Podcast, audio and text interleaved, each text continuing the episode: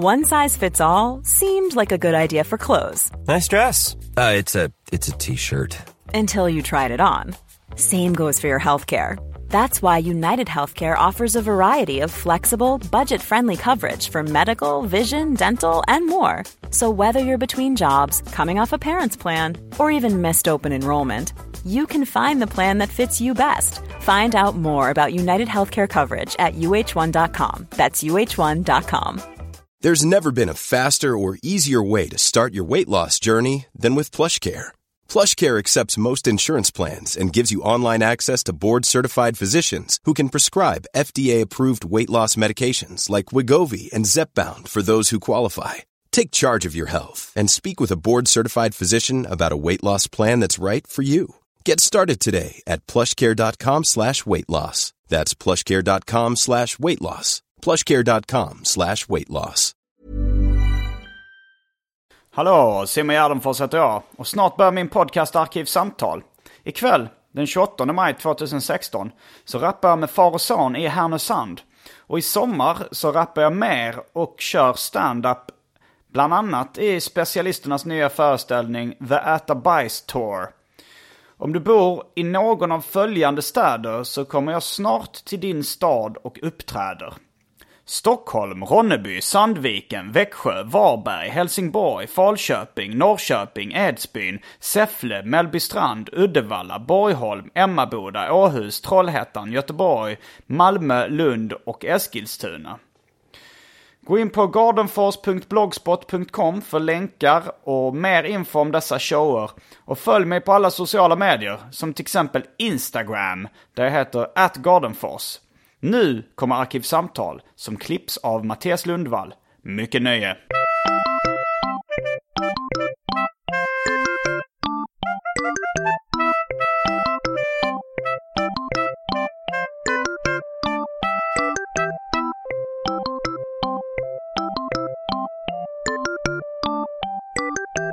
Samma utrustning. Ja, det har jag. Ja. S- det- den funkar ganska bra. Men den där stora boxen. Ja, den. Ja. Är det för att du spelar in musik ibland som du har den? Nej, det var faktiskt eh, för den här podden. Ja, det är så? Ja. Okej, men varför så stor? Vad är det du kompenserar för Simon Gärdenfors? Jag vet inte. Liten testikel. Nu, eh, Du har bara en. Jag försökte framkalla komisk effekt. Det var en. Hitler-referens. Ja, för Petter Bristav avslöjade ju bara för två Ja. månader sedan att han har bara en testikel. Okej, Ja. så det är där de Och jag såg han bara, men varför har du inte sagt det här i din standup? Han bara, men det är inte roligt. Du är inte komiker Petter! En riktig komiker hade börjat med det. Och sen kört på det i tio år. Ja, det, men... Jag har men- bara en testikel. Vad är grejen med att ha bara en testikel? Man har bara en testikel, inte två. Ja. Jag har Oh, ja. missat tio år så jag har bara... En testikelskämt. Um, Vad ska man kalla det för? Vad kan... Unibrow? Uniball? Einstein är ett klassiskt skämt. Hade han bara en testikel? Nej men det betyder en sten. Ja, just det. Sant. Grattis Einstein. Ehm, ja. Vad ska vi prata om? Vad, hur känner du dig? Vi, först måste vi göra ett litet ljudtest. Du, verkar, du, har, du har redan gett uttryck för att du kommer variera din röststyrka något enormt. Mellan tyst som en mus och maniska utfall av skrik. Jag är på väg in i en sån här första. stor biologisk depperiod. Men, men eh, bara kör frukost. Jag kommer inte på något annat. Säg, berätta vad du har till frukost. Jag eh, gjorde samma frukost som jag alltid gör. Jag tog en shot Nespresso och eh, så tjuvrökte jag en cigarett trots att jag egentligen slutat röka medan jag bajsade inne på toaletten.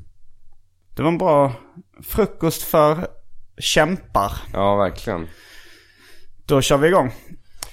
Hej och välkomna till Arkivsamtal. Jag heter Simon Gärdenfors och mitt emot mig sitter Aron Flam. Välkommen hit. Tack så mycket Simon Gärdenfors. Det är för övrigt en av mina favoritböcker. Om inte kanske den jag brukar hålla som min allra käraste bok. Nämligen Breakfast of Champions av Kurt Heter den Vonnegut. Breakfast for Champions? Nej, of.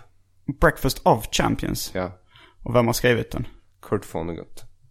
Ja, du har uttryckt ett visst intresse för Kurt Vonnegut. Eller Ja, det, men det är sista boken i en romansvit som börjar med Slakthus 5 och slutar med den. Och eh, karaktärerna i alla romaner från den första till den sista är återkommande. Även om de återföds i olika skepnader så är namnen och vissa karaktärsdrag alltid de samma.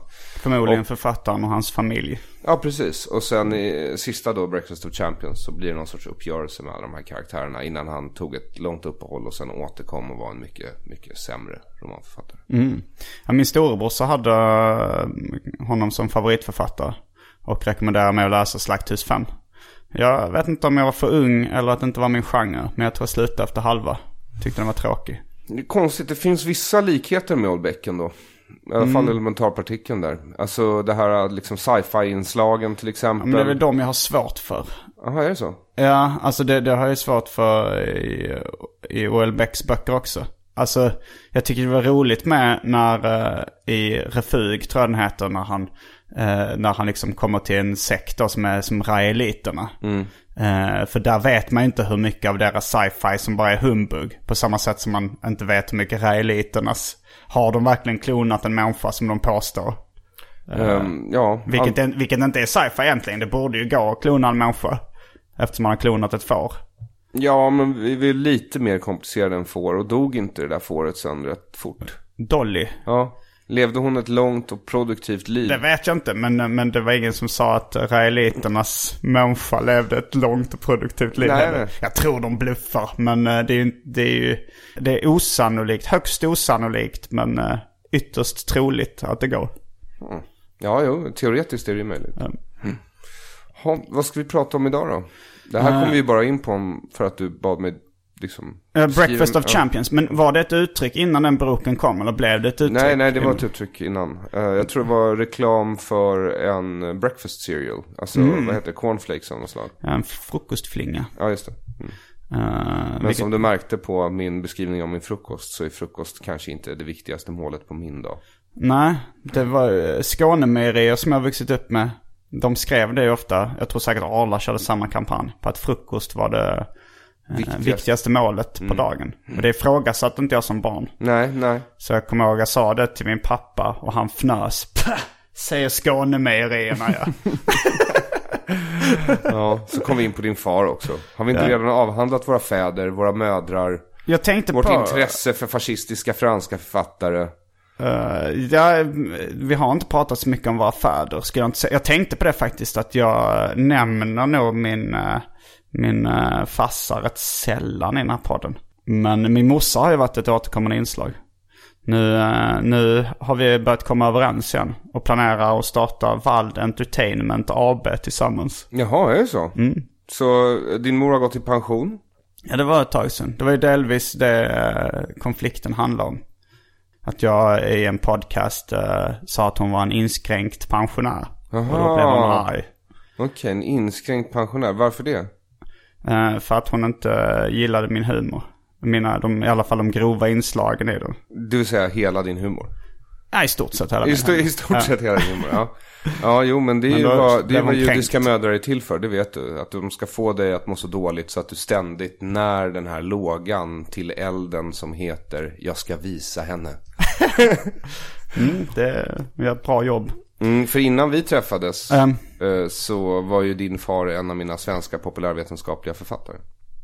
En, du, du har ett gäng författare. Nej, jag har bara honom i Sverige faktiskt. Den Ja. meningssökande människan framförallt tror jag.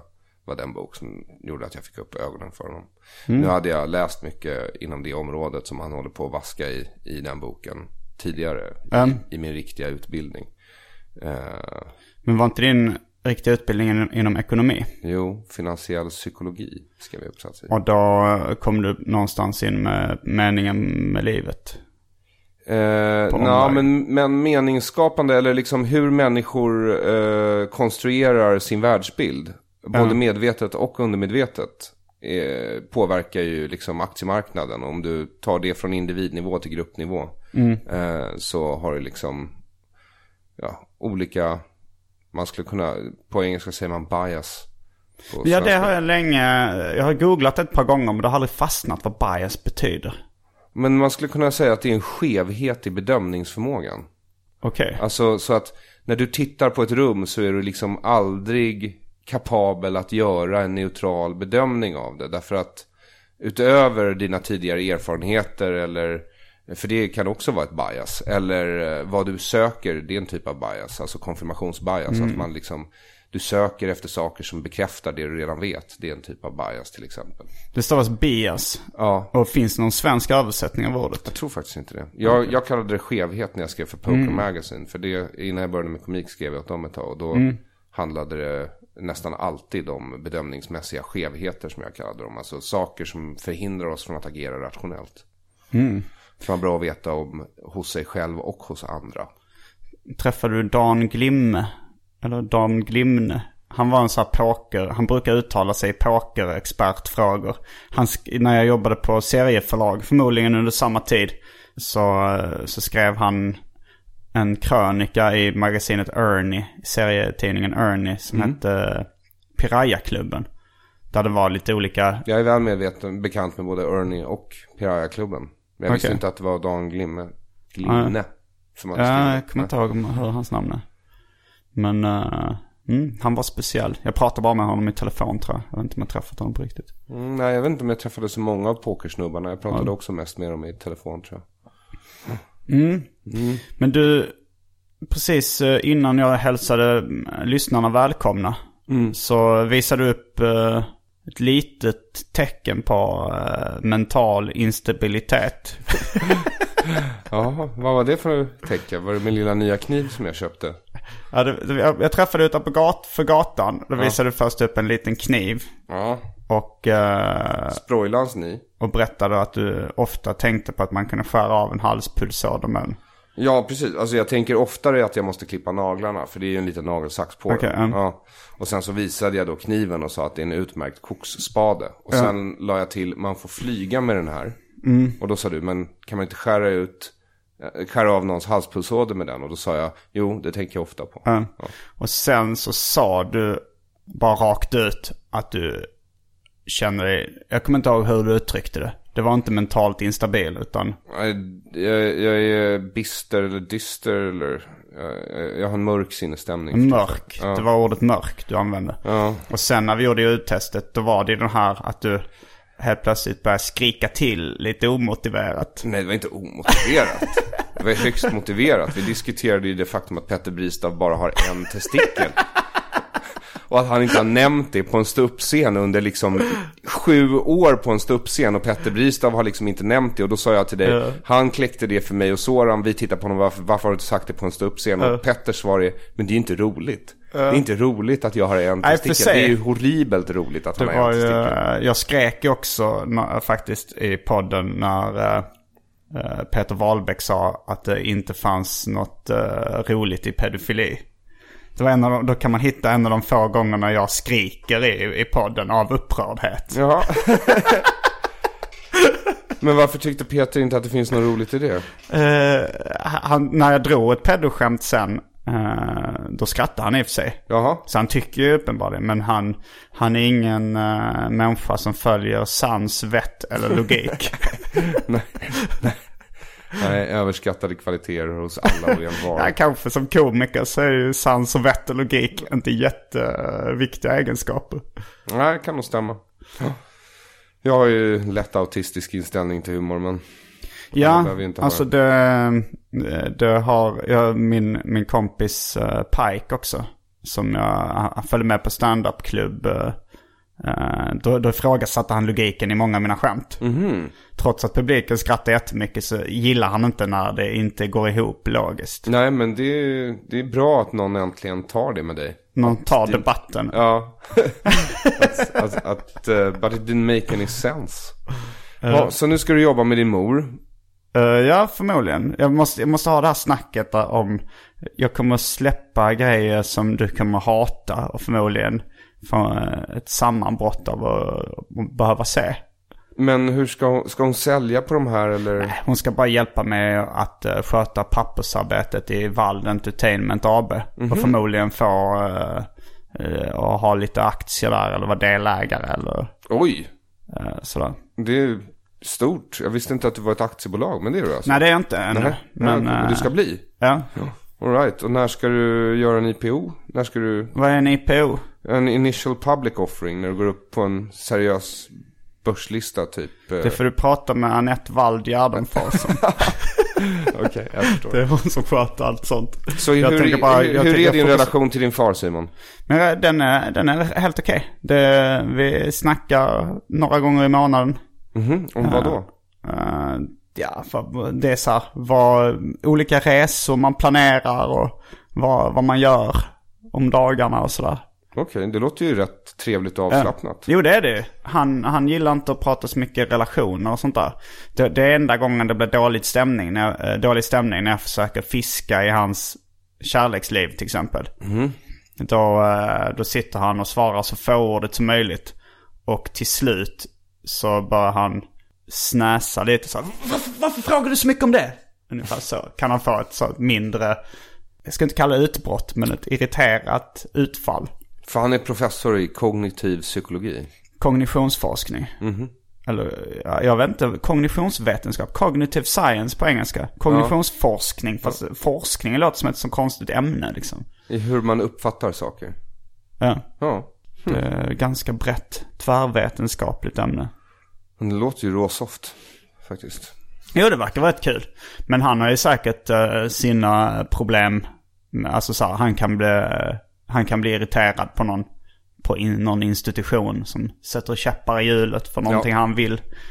Eh, vilket jag kan också eh, känna liksom så här ibland. Och ibland så, jag tänkte på det när du bara sa att du var mörk i sinnet. Att eh, ibland så kommer det ju bara, man vet inte varför. Nu, just nu så har jag liksom, om man, om man sätter ner min livsstil och allting på pappret så har jag inga större problem liksom. Nej. Men ibland så kan man ju bara känna så här, idag är jag lite ledsen, jag vet inte varför.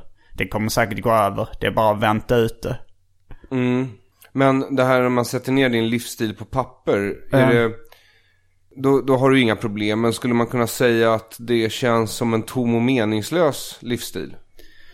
Men gör inte alla livsstilar det Aron? Fast nej, Alltså, så här- jag vet inte om det är sant. Alltså, Nej, det, alltså det, det beror på hur man ser det. För det, det är så här, om, man- om man ska koka ner allting till... Eh, alltså det är ju ingen som vet riktigt varför. nej men om man jämför då liksom. Om, Om man vi, jämför. Säger, om, vi, om vi säger så här. Mm. Eh, skriver ner Simons dag. Okej, Mm. Simon går upp på en scen, drar pedoskämt, går hem. Eh, eh, älskar med sin unga vackra flickvän. Eh, sover, går upp, gör samma sak igen. Ja. Eh, lägger man till liksom dina seriealbum där det finns kanske ett större själsligt djup än vad det gör i, i din standup många gånger. För din standup Ja. är ofta mycket chockskämt liksom. ja, det är en del. Och en del trams. Och, del nej, Det, trams. ja, det är ju inte så mycket. Det är inte så mycket... Nej men om du eh, jämför med Död kompis Ja, eller då, Simon då spelar jag 20. på lite eh, mörkare noter liksom. Men det är ju lättare eftersom man inte har kravet på sig att vara så jävla rolig hela tiden. Eh, eller det är lättare att berätta någonting annat än uh, skrattframkallande Jo saker. precis, men när du bearbetar sorgen på det sättet Mm. i seriealbum så kanske du, liksom när du är klar känner att, du, att det finns en större mening med det albumet än vad det gör med till exempel ditt skämt om svamp. Eh, jag vet inte. Alltså så här, jag, jag har bör, börjat förlora ganska mycket tron på eh, liksom att bearbeta saker eh, psykologiskt. Jag, jag, jag tror att det kan ge det kan ge effekt liksom. Du kan känna stora känslor som är omvälvande och liksom som du vill ha. Alltså ungefär som att se en riktigt bra snyftare eller läsa en bok. Men jag tror inte att det påverkar, alltså jag tror inte det liksom, det hjälper dig så jättemycket. Du kanske blir lite gladare, men det blir man ju av, av, av skratt och chockskämt också. Mm. Ja, jo. Det, det kanske stämmer. Och, och sen så, jag tror det ganska mycket är ju ändå en illusion av mening liksom. Ja, det är väl alltid. Men Ja. frågan är alltså, jag tycker- vad som känns meningsfullt för dig. Jo, liksom. men när jag har ett mål att så här, om jag jobbar med en ny timme liksom så här, Nu så har jag skrivit klart och, eh, en slapp timme. Och har liksom uppträtt med den ett tag. eh, och tänker släppa den i framtiden som någon form av eh, video. Jaså? Eh, Vem ska spela in det här mästerverket?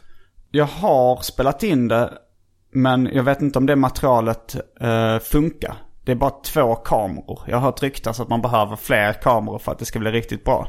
Så jag ska titta på det materialet som finns inspelat och se om jag kanske måste spela in det igen. Ja. Eller om man kan använda, ja jag får se, man kan, man kan klippa ihop delar av det. Men jag, jag tar gärna tips och hjälp av dig för du verkar ju vara väldigt insatt i, Här börjar bli i alla fall. i ehm, sånt där. Men, men sen har jag börjat jobba på en ny timme nu. Testa fram skämt. Och när man jobbar mot ett sånt tydligt mål, då får man ju mm, en väldigt stor illusion av mening. Vilket får mig att må rätt bra faktiskt. Det låter suveränt. Ja. Det är, det är ju en kliché. Som eh, bland annat uttalades av en alkoholiserad eh, gubbe i ett omklädningsrum.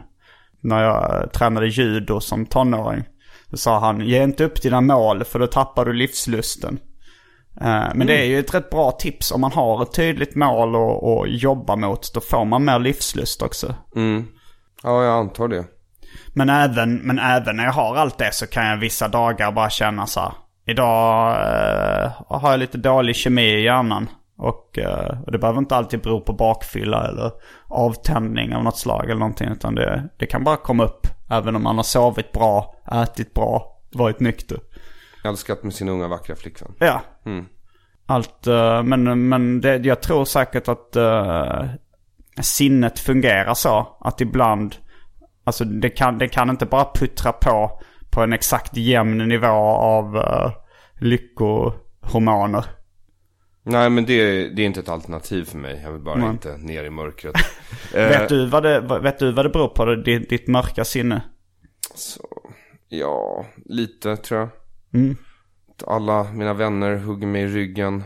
Att ingen i min familj älskar mig. Att publikerna hatar mig.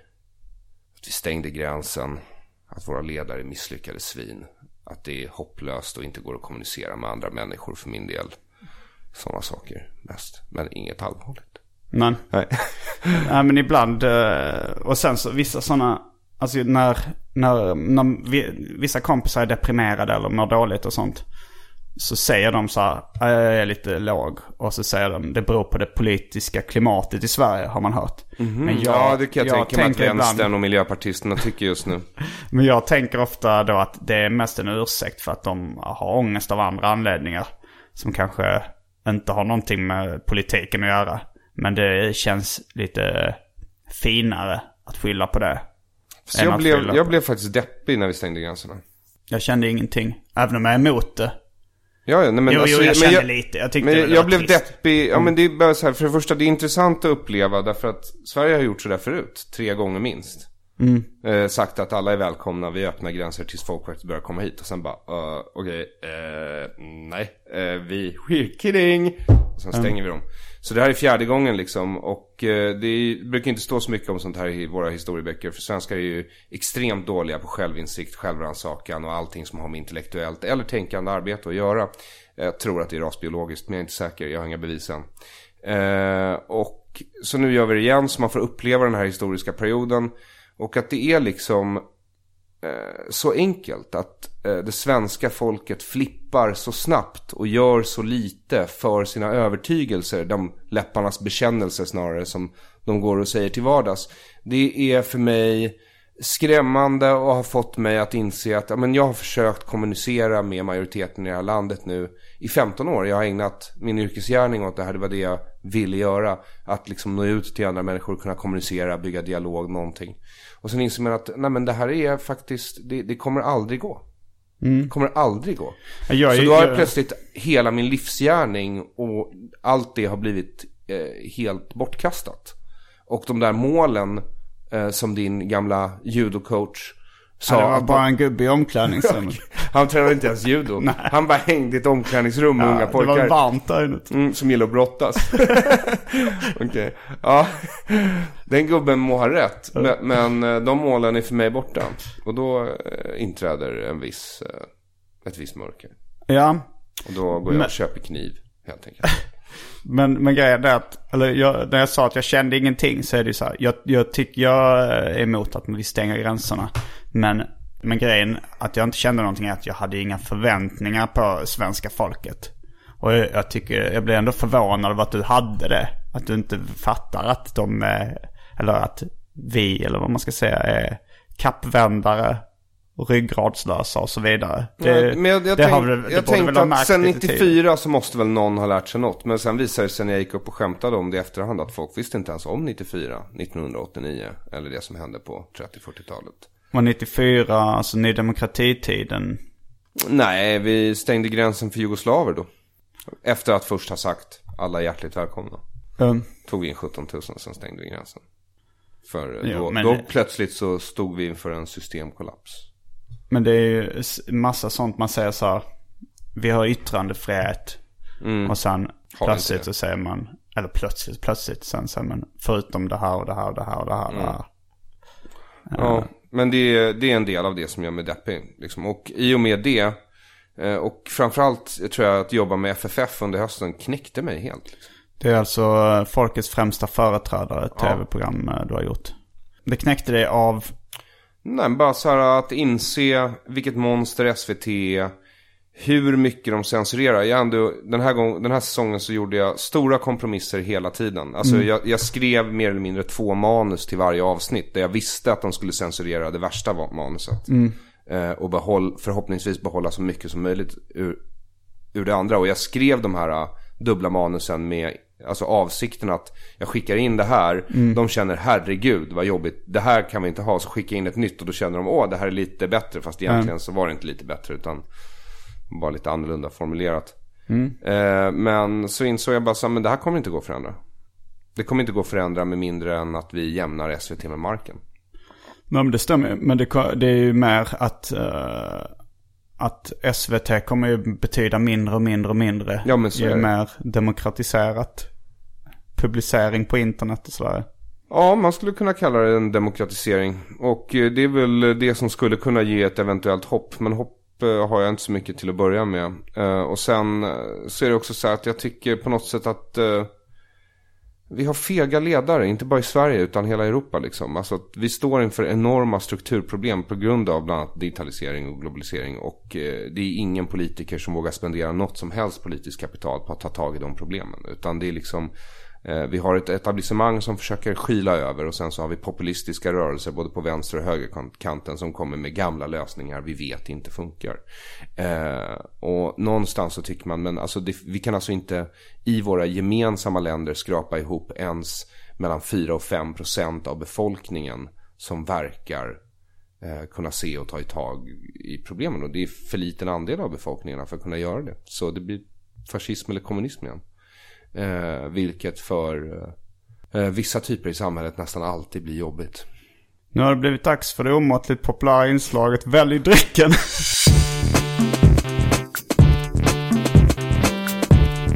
Jag tror vi börjar med det fasta inslaget Välj drycken. Alright, då kör vi. Vad, vad har jag att välja på? Du har att välja på landsortslager öl, som jag vet att du inte tycker om. Nils Oskar öl, som jag vet att du inte tycker om. Det här låter som en metafor för det politiska systemet i ditt huvud. Ja, Eh, Hawaii Gay Club. En personlig favorit. vad är det? Det är en drink bestående av Passoir, Malibu och eh, lemonad. Det låter hur gott som helst. Det vi sätter den på toppen av listan. Men Ja, nu det konkurrerar det bara med öl. Så det är liksom... Så nu kan, nu kan vi dra igenom de andra bara. Pepsi Max, Fantasero, Cider, Citrus, Fizz, eh, mjöd, tre sorter. Julöl som gick ut eh, 99, 1999. Fritz Cola, Inca Cola, Russian Power Energy Drink, Sun Bitter och för tråkmånsar och nejsägare, vatten. Ja, men alltså de senaste gångerna jag varit här har det varit väldigt få saker väldigt få saker man vill dricka. Men här verkar det som att först den här drinken. Hawaii Gay Club. Ja, super. Jag är på den. Sen vill jag också veta, vad var det för fiss? Vadå fiss? Eh, det var cider, citrus fizz. Den, eh, jag fick den av min flickvän. Jag tror hon hade, jag vet inte om hon hade köpt den eller tagit med sig den från någon fest eller något sånt där. Hon bara, hon uh, orkar väl inte bära den i sin väska längre. Mm, nej, hon är en, vad är man säger på engelska, resourceful woman. Alltså hon snodde med sig någonting från en fest, lämnade det. Ja, förmodligen. Ja. Eh, Så jag tar Hawaii Gay Club. Det tar jag också. Ja, Då är vi strax tillbaks med dryckerna kända från det omåttligt populära inslaget Välj drycken. Häng med! Hey, I'm Ryan Reynolds. Recently, I asked Mint Mobile's legal team if big wireless companies are allowed to raise prices due to inflation. They said yes. And then when I asked if raising prices technically violates those onerous two year contracts, they said, What the f are you talking about, you insane Hollywood ass? F- So to recap, we're cutting the price of Mint Unlimited from $30 a month to just $15 a month. Give it a try at mintmobile.com slash switch. $45 upfront for three months plus taxes and fees. Promo for new customers for limited time. Unlimited more than 40 gigabytes per month. Slows. Full terms at mintmobile.com. Many of us have those stubborn pounds that seem impossible to lose, no matter how good we eat or how hard we work out. My solution is PlushCare. PlushCare is a leading telehealth provider with doctors who are there for you day and night to partner with you in your weight loss journey. They can prescribe FDA-approved weight loss medications like Wagovi and Zepbound for those who qualify. Plus, they accept most insurance plans. To get started, visit plushcare.com slash weight loss. That's plushcare.com slash weight loss. Hold up. What was that? Boring. No flavor. That was as bad as those leftovers you ate all week. Kiki Palmer here, and it's time to say hello to something fresh and guilt-free. Hello Fresh. Jazz up dinner with pecan-crusted chicken or garlic butter shrimp scampi. Now that's music to my mouth. Hello Fresh. Let's get this dinner party started. Discover all the delicious possibilities at hellofresh.com.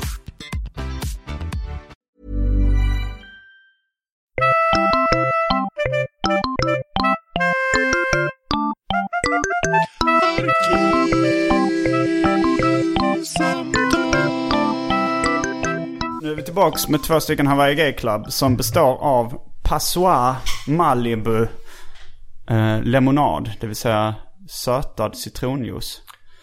Ehm, Men det är någon sorts fruktkött. Det, det är från den det är söt... från citronjuicen. Från lemonaden.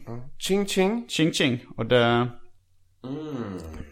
Det är nektar från gudarna. Ja, det är, det är sannoliken. Det här smakade ju smält isglass av vilken typ som helst nästan. Mm.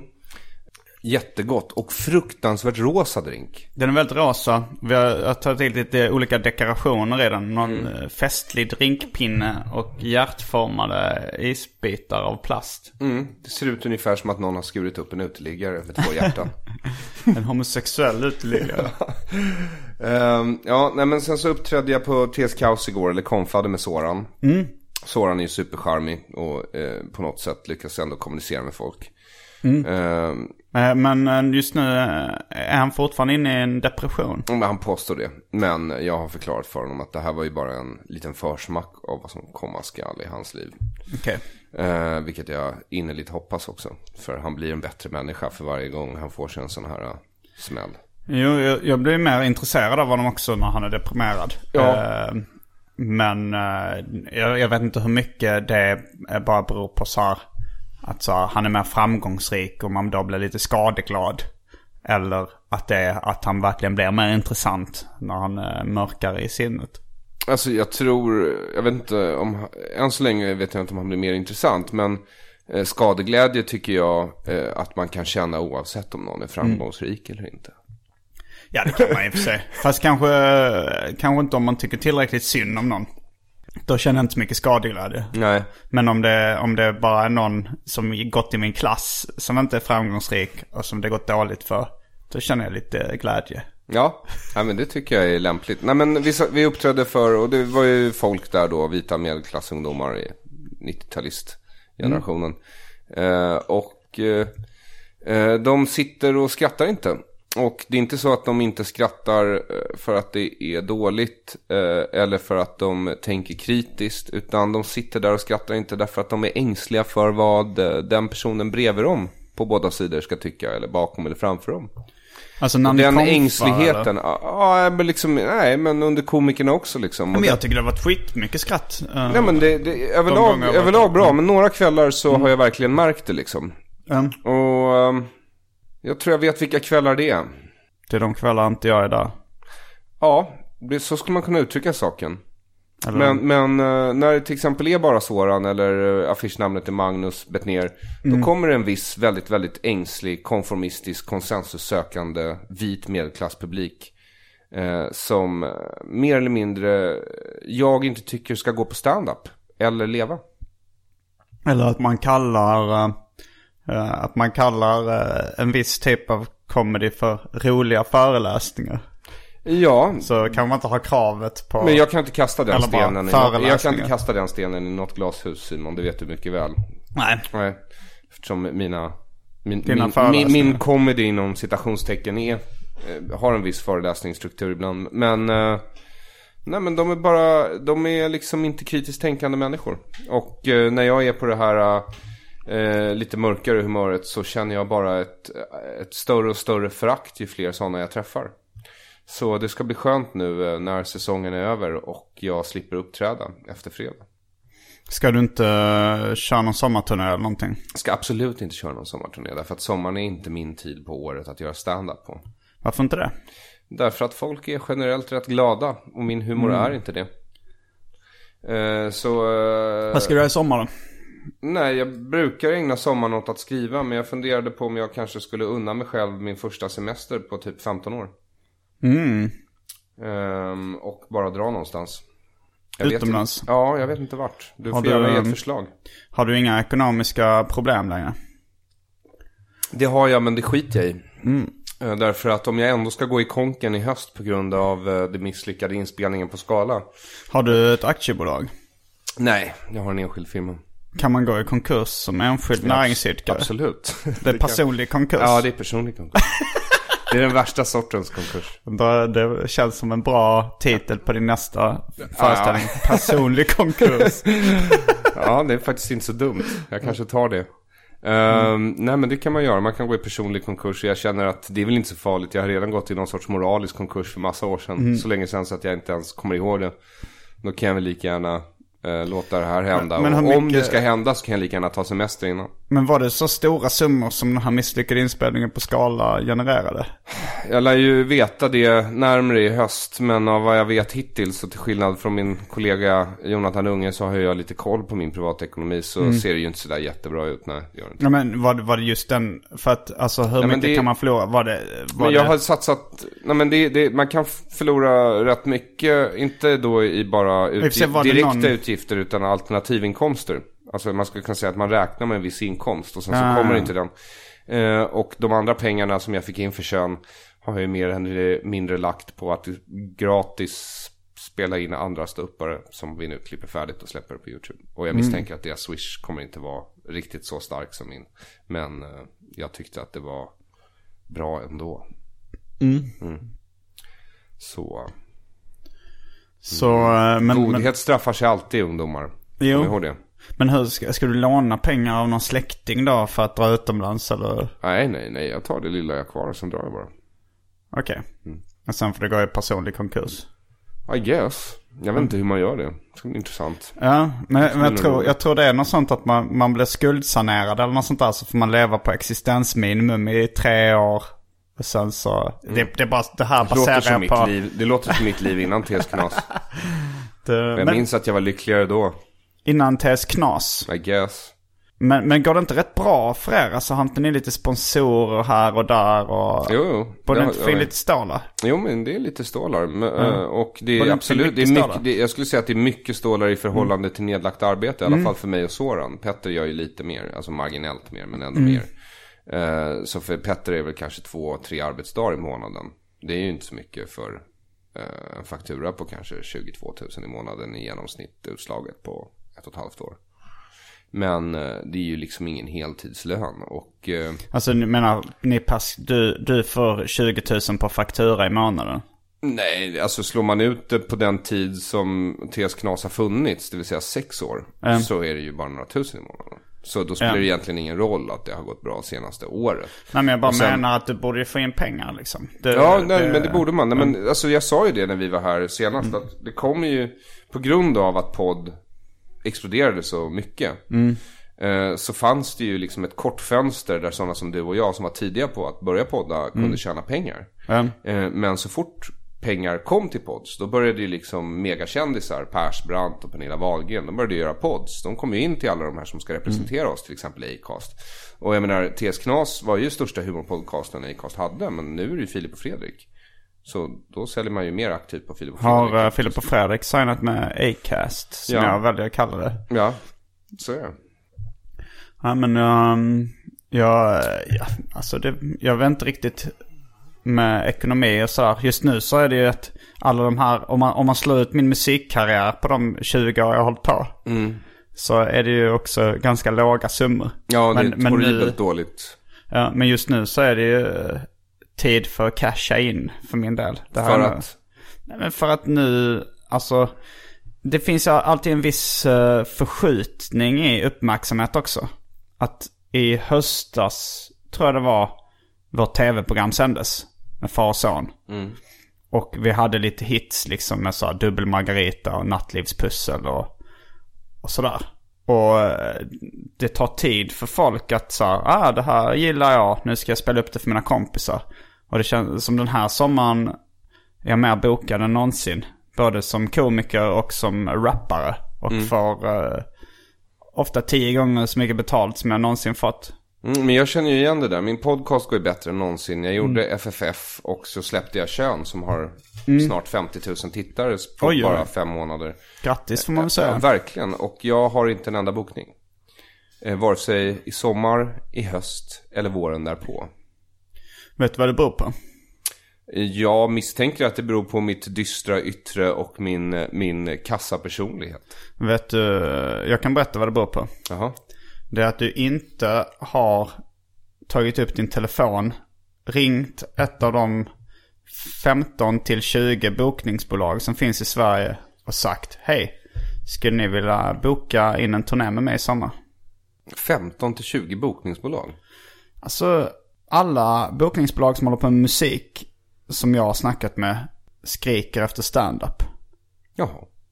Okej, de skriker inte så högt så att jag har hört något. Nej, de, de, är, de är ungefär som, uh, tänk dig en tidningsredaktion.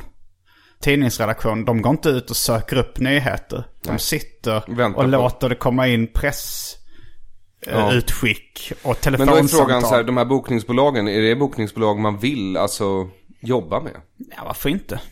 Alltså jag vill- har ju jobbat ha- med bokningsbolag, det har... eh, Du gillar att tjäna stand, du gillar att tjäna pengar, du gillar att köra stand-up. Jobba med ett Jag bokningsbolag. har ett komplicerat förhållande till att tjäna pengar och eh, jag brukade gilla att köra standup.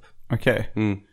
Ja, då, då har vi... Då, då, Då har vi problem vi från alla håll och kanter. Vi, vi har människor som inte söker upp mig och om de sökte upp mig så skulle det inte spela någon roll. Ja. Ja. vi, vi delar in problemet i, i tre delar.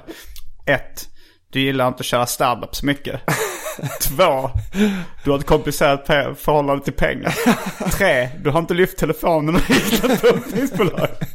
Nej, nej, det låter som att vi har, vi har lyckats i alla fall få fatt på tre av dem. Tre av de saker som gör att jag inte kommer ge mig ut i sommar. Sen är det också så här, men det är liksom, eh, nej, nej, nej, jag tror inte det Simon. Jag tror att jag ska resa. Har du någon, har, har du någon bra rekommendation jag kan resa, något ställe jag kan resa till? Ja. Billigt. billigt. Billigt. Um, Ja, Åland. Har du varit på Åland? Jag har varit på gång? Åland. Jag byggde ju en bögklubb eh, på Vladimir Putins tomt. Oj, Till skillnad från vad jag sa i polisförhöret. vad, vad sa du i polisförhöret? Jag har aldrig varit där. Jag dansade framför en kuliss. Jaha, okej. jag förstår, men du är inte homosexuell. Eh, nej, det är jag inte. Och ändå kämpar du för bögars rättigheter. Det, det är humorn jag sätter i fokus. På något sätt så, eh, slutresultatet gör dig i alla fall till en fin människa. ja, det är vissa som tycker det. Vissa som tycker att jag är en fruktansvärd människa. Vilka Sanningen då? ligger Alltså nog- bortsett från din mor, men det är hennes jobb att tycka det. Eh, ja, um, Paul Ronge, PR-expert på, eh, som brukar uttala sig när någon Ja, ja, ja, PR-frågor. ja, men varför tycker han att du är en fruktansvärd människa? Eh, för att jag har eh, låtsats att jag dödat ett barn. Och han tycker att det är lika illa som att döda ett barn på riktigt. Aha, så han gör ingen skillnad på verkligheten och allting annat? Tydligen inte. Nej, okej. Inte i det sammanhanget. Eller så bara är han... eh, Retorikexpert Paul Ronge. Är han kanske avundsjuk för att han vet att det är sant? Att all publicitet är bra publicitet och han kom inte på det dödade barnet? Eh, jag tror ju inte att all publicitet är bra publicitet. Jag tror inte att uh, Tito Beltram och Papadie är inne på sin cash-in-turné just nu. Inte, men det är antagligen för att de inte lyft luren och ringt något. Av de många, många bokningsbolag. Som skriker efter pedofiler och hustrumisshandlare just nu. Eh, det, kan, det kan vara en av förklaringarna. Ja. Uh, men, all, men, men just det, var, alltså så här, det, det, det beror ju på också PR och uh, uppmärksamhet. Det kan ju vara långsiktigt. Uh, alla älskar ju idag Johnny Bode. Vet du vem det är? Nej. Det var en, uh, en uh, förgrundsgestalt inom könsrocken. Som han härjade som mest på. Ja, men han var före dem. Han, här, han var på 30-talet liksom. Oj. Um, hans, Det var inte så grovt då. Hans mest Vill kända... du se min pillesnopp, min lilla, lilla pillesnopp? Eller, vad, säg en hit han har gjort. Runka mig med vita handskar. Ja, men den har jag hört. Ja. Absolut. Det är Johnny Bode. Eh, men, men då, men han, men han, han ballade ju ur liksom totalt. Han, alltså när han fick, eh, när han fick eh, en chans till framgång så raserade han den extremt snabbt. Och det var, det var, inte, det var inte som du gör, utan det var ännu mer så här. Han blev inbjuden till uh, Gösta Ekman den äldre. Och liksom fick skriva låtar åt honom. Han stal hans bordsilver. det var den liksom så här hela tiden. Han... eh, Jättekul. Ja, det, det är en, det kan jag rekommendera. Jakten på Johnny Bode, Skandalernas man. En av de bästa biografierna jag någonsin läst. Men, men idag, när folk läser honom så älskar de ju honom. Ja. Och eh, hade bara liksom mediahjulet snurrat lite snabb, snabbare. Så hade han kunnat slå mynt av den skandalpersonen han var redan på, under sin livstid. Vilket han inte kunde riktigt. Mm. Men Eh. jag, jag har ju inga skandaler att slå mynt av egentligen. Nej, men det är bara att skapa dem. Va? Hur menar du då?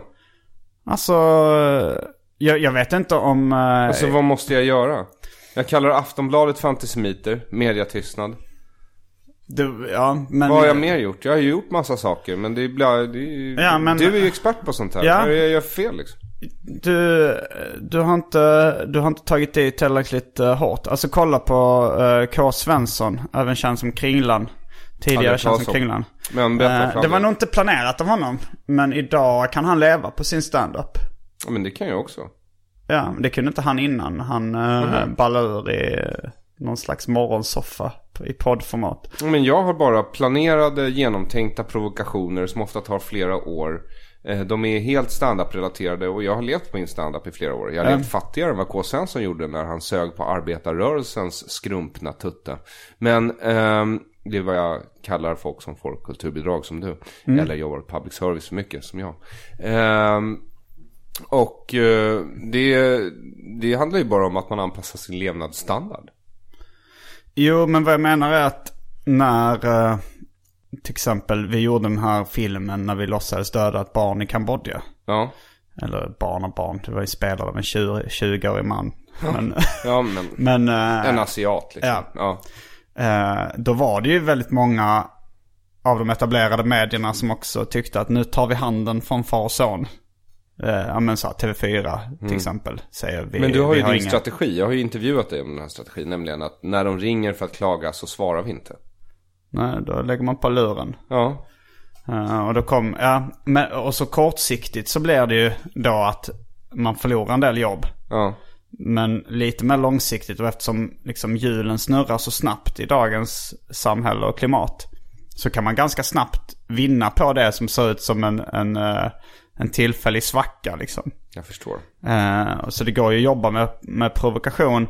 Jag tycker ju just nu att eh, den här låtsas att döda ett barn hade inga specifika offer. Förutom de som kände sig lurade och kände sig dumma. Eh, det- kanske Kringlan-grejen kanske fick lite fler att bli ledsna på riktigt. Och rädda jag vet kanske. faktiskt inte. Jag Jag, jag, såg ju din video. Mm. Och eh, sa ju så fort jag såg den så sa jag det där är fake för det är mycket billigare än så att döda ett barn. Eh, Men, eh, men, men vad jag menar, och så, och, Jag menar bara in- tanken på att man ska betala någon för att döda ett barn är ju absurd.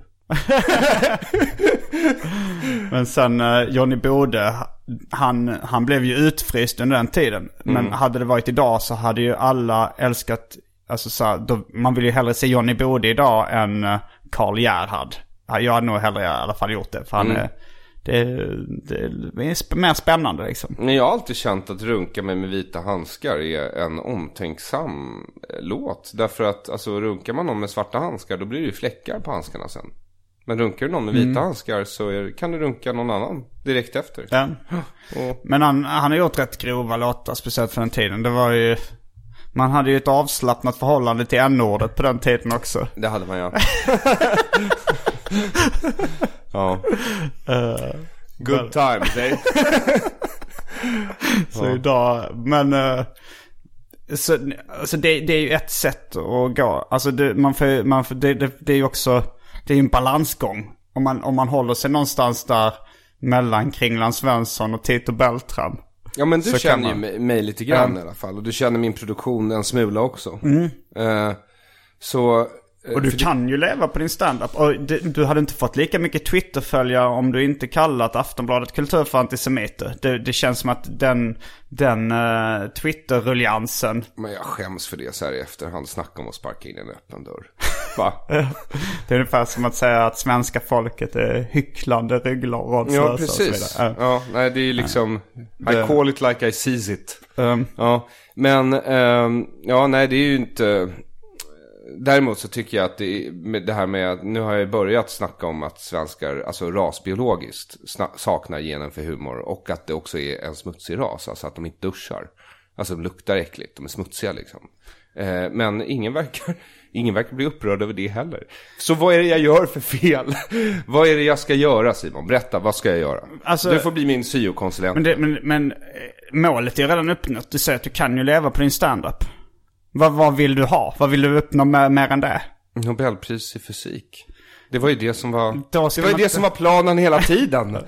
Just i fysik. ja, Då... eh, och jag har gått den traditionella vägen, börja med stand-up, jobba lite radio, starta podcast. Where's my fucking Nobel Prize bitch? Men just det här att svenskar luktar äckligt. Jag hörde ryktas som någon sa, alltså, sa att asiater hävdar att uh, västerlänningar luktar äckligt. Det gör de. Eh, men att det beror mycket på uh, mjölkprodukter. Ja. Eh, jag, jag frågade asiater i Japan när jag var där om detta. De sa nej det har vi aldrig tänkt på. Nej men, De kanske försökte vara artiga. Försökte. Det är ju deras Vart det? default, är ju att de är superartiga. Du kommer ju aldrig få ur dem det. Men mjölkdrickande spöke, det är vad kineserna i alla fall kallade barbarer förut. Guaylo. Mjölkdrickande spöken. Ja, alltså mjölkstinkande spöke tror jag. Ah. Japanerna gillade ju heller inte vitlök, så de, de kallade liksom koreanerna som åt vitlök och hade vitlök i sin matlagning för uh, vitlökstinkande Mhm. spöken. Men nu är det ju rätt mycket vitlök i japansk mat. Ja, Gyoza de har ju anpassat sig. Eh, men De har tagit sitt komplicerade förhållande till fisk Mm. och överfört det även till vitlök och avokado som de nu verkligen... avo- varför blandar du in avokado i det här mixen? Avokado växer ju inte naturligt i Japan. Nej, okej, jag tänkte- och de, och de det- dyrkar ju avokadon. Ja, det är ju svingott. Ja. Men, eh, men jag menar, Jo, det, jo, men de det har ingen använder ju sån specifik smak. Alltså det är inte som vitlök eller fisk som är lite acquired taste. Avokado är ju bara lätt konsumerat. Ja, det kanske stämmer. Vitlök är väl en acquired taste. Men, ehm, ha, men vad ska jag göra då? Var du ska åka någonstans? Eller, Nej, nej, eller, ja, vi var inte inne på ta. Vad du ska göra? Du bör, alltså så här, om, eh, om, om du vill leva på din standup så har du redan lyckats. Jaha, okej. Eh, om men om du jag vill- vinna Nobelpris i fysik? Eh, då, då borde du eh, börja plugga fysik. Och sen så bli doktorand i Jag förstår fysik. inte hur det här ska provocera någon. Nej, nej. på- Vägen till Nobelpriset för fysik är inte provokation lösningen. Jag trodde vi, vi snackade om att kunna leva på Ja, jag underhållning. tycker att nästan alla som har vunnit det där priset har provocerat fysik-communityt. i Jag har aldrig riktigt, Genom sina eh, vilda teorier. Ja, Ja, som sen har visat sig stämma. okej. Då ska du Så fair enough. Experimentera vilt med, med olika... Med partikelfysik. Ja, Du, ska, du ska skaffa någon partikelaccelerator. Och sen så sätta den på dubbla hastigheten. Tror vi kan kickstarta det här projektet. Om jag startar en, en, eh, en, vad heter det, en hadron collider. Ja, vänta, du ska leta efter Higgs partikel. Ja, och sen precis. ska du slänga in, nu, den här veckan slänger du in potatis i partikelacceleratorn. den här veckan slänger du in fiskrens. Och så, Jag tycker det låter som en rolig idé i alla fall. Ja, det, och det är säkert, eh, det är säkert provocerande. Vad är det här för jävel?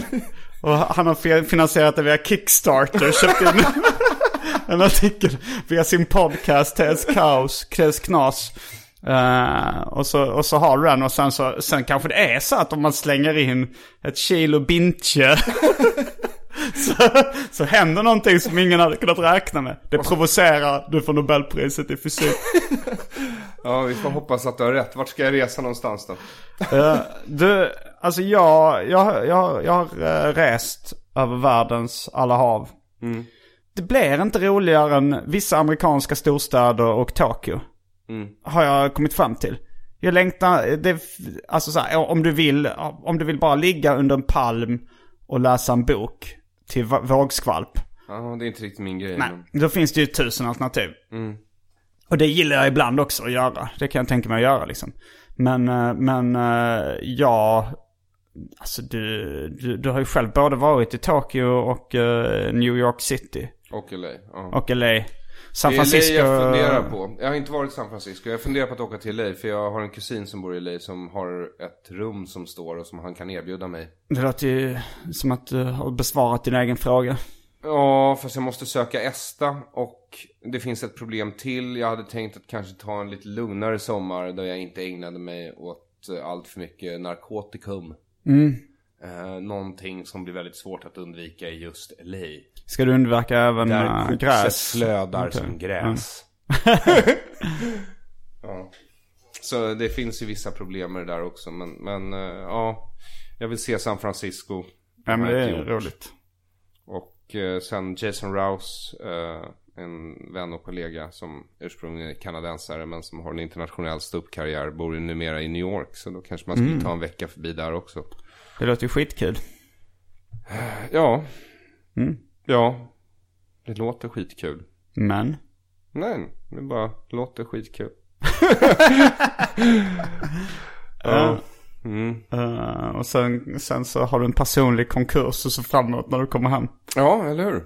Men jag kommer i alla fall ha lyckats eh, producera eh, och publicera förhoppningsvis eh, Ahmed Berans två specialer, Jonathan Unges två specialer, Branislav Pavlovic två specialer, kanske en av Fredrik Andersson och några klipp av Sandra Ilar. Så det har inte varit helt bortkastat de här 15 åren.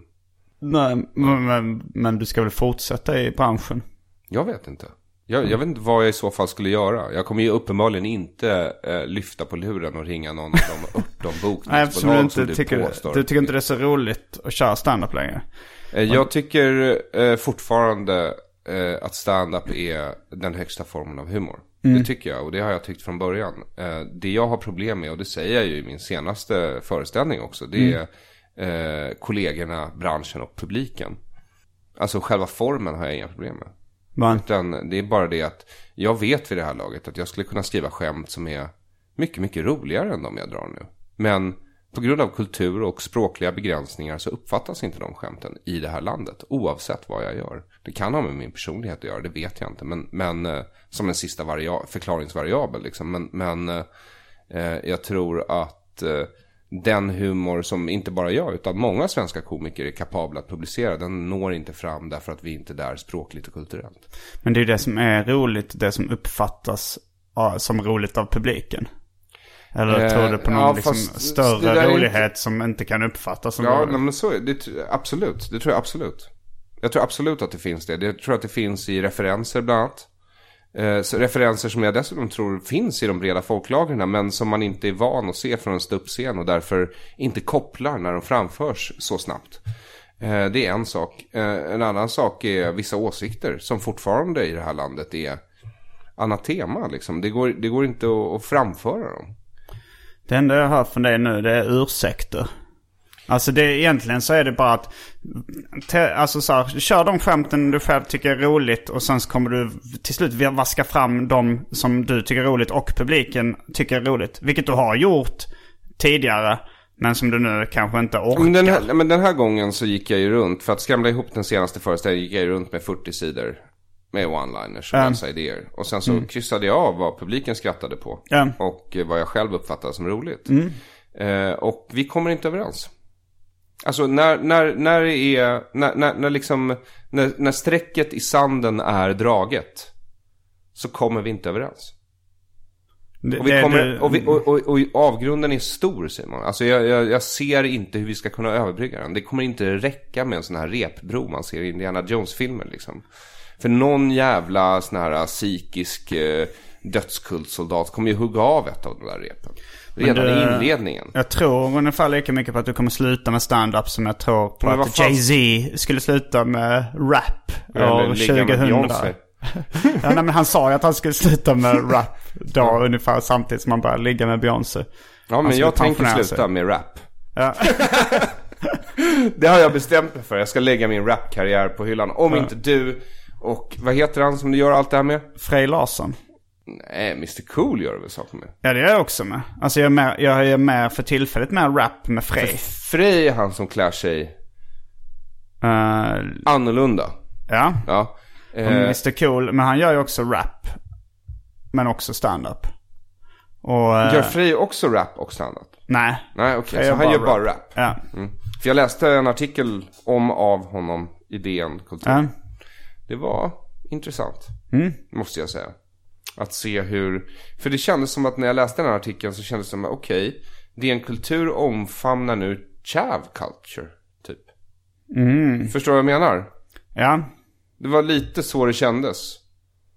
Ja. Har jag missuppfattat något? jag, jag, jag har inte tänkt på parallellerna med chav culture. Men... eh, Nej men vadå? Det är väl det han Alltså om man Ja, det ska är det utgå från den Mm. artikeln så känns det som att det är det han representerar. Svensk chav.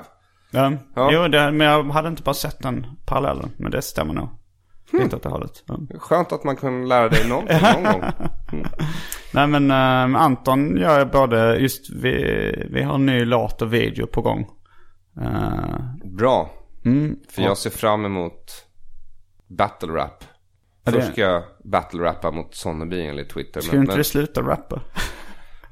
ja, frågan är om jag någonsin, någonsin har börjat. Det är som ja, jag, jag, jag kan ju egentligen bara rappa på saker som slutar med er. Sänder, händer, bänder, det tänder, finns- länder. Det första avsnittet av uh, TS Knas jag var med där rappade du din uh, vers om Ja. eh, just änder och gränder och Ja, precis. Det är det jag kan. Ja. Man ska hålla sig, man ska gräva där man står. Men ja, mm. Fan vad rörigt det här avsnittet blev. Men Ja, det blir rätt rörigt. Men, eh, men det är ofta det när man, när man, man, går, när man går ifrån poddstudion, citattecken, så eh, tänker man också, fan vad rörigt, vad fan snackar vi om? Ja, Och sen får man alltid någon twittrare som säger, toppavsnitt. jo, men ska man lita på den personen? Jag väljer lite, jag väljer att lita på människor. Mm, det är fint av dig. Jag tänker bara, gud vilken person med dåligt omdöme och som blockar jag den. Det gör du inte. Jo. Om någon skriver toppavsnitt. Alltså igår, det var en av de saker som gjorde mig deprimerad igår. Alltså riktigt deprimerad. Det var att liksom första halvan var över. Det hade gått åt helvete. För alla inblandade. På, var det podden publiken. eller, eller standupen? Stand-upen. Mm. Inklusive publiken. Alltså inte åt helvete, jag överdriver givetvis. Folk skulle säga att det var en okej kväll. Eh, Men jag tycker att allting under briljant är åt helvete. Så jag går av scenen och så kommer det fram en kille till mig och säger, jag vill bara säga, bra podd. Och sen klappar han mig på axeln. Och så tittar jag på honom och säger, tack, vilken podd? Och så säger han, TS Knas. Tittar jag på honom och så tänker jag, du har inte lyssnat på TS Knas. För i så fall hade du inte kommit fram och sagt så till mig. Och sen gick han och satte sig igen. Sen såg jag att han snackade med Sandra Ilar och hennes lesbiska pojkvän Daniel Sanchez.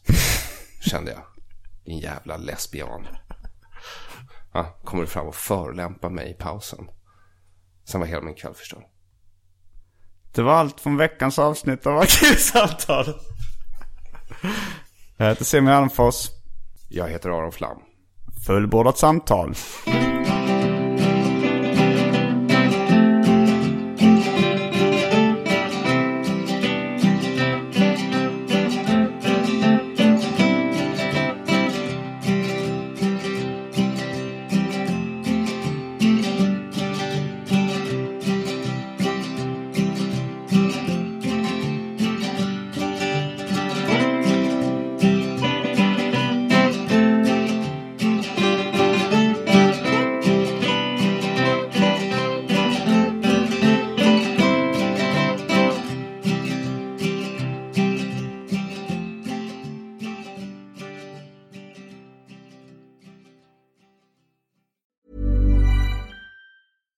Catch yourself eating the same flavorless dinner three days in a row?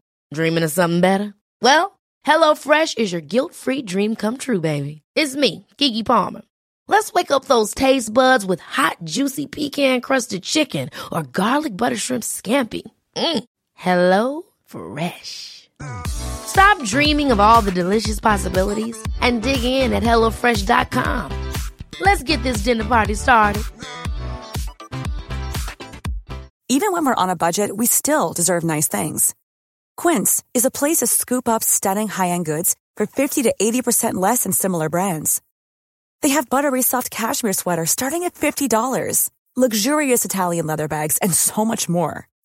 Plus, Quince only works with factories that use safe, ethical, and responsible manufacturing. Get the high-end goods you'll love without the high price tag with Quince. Go to quince.com/style for free shipping and 365-day returns.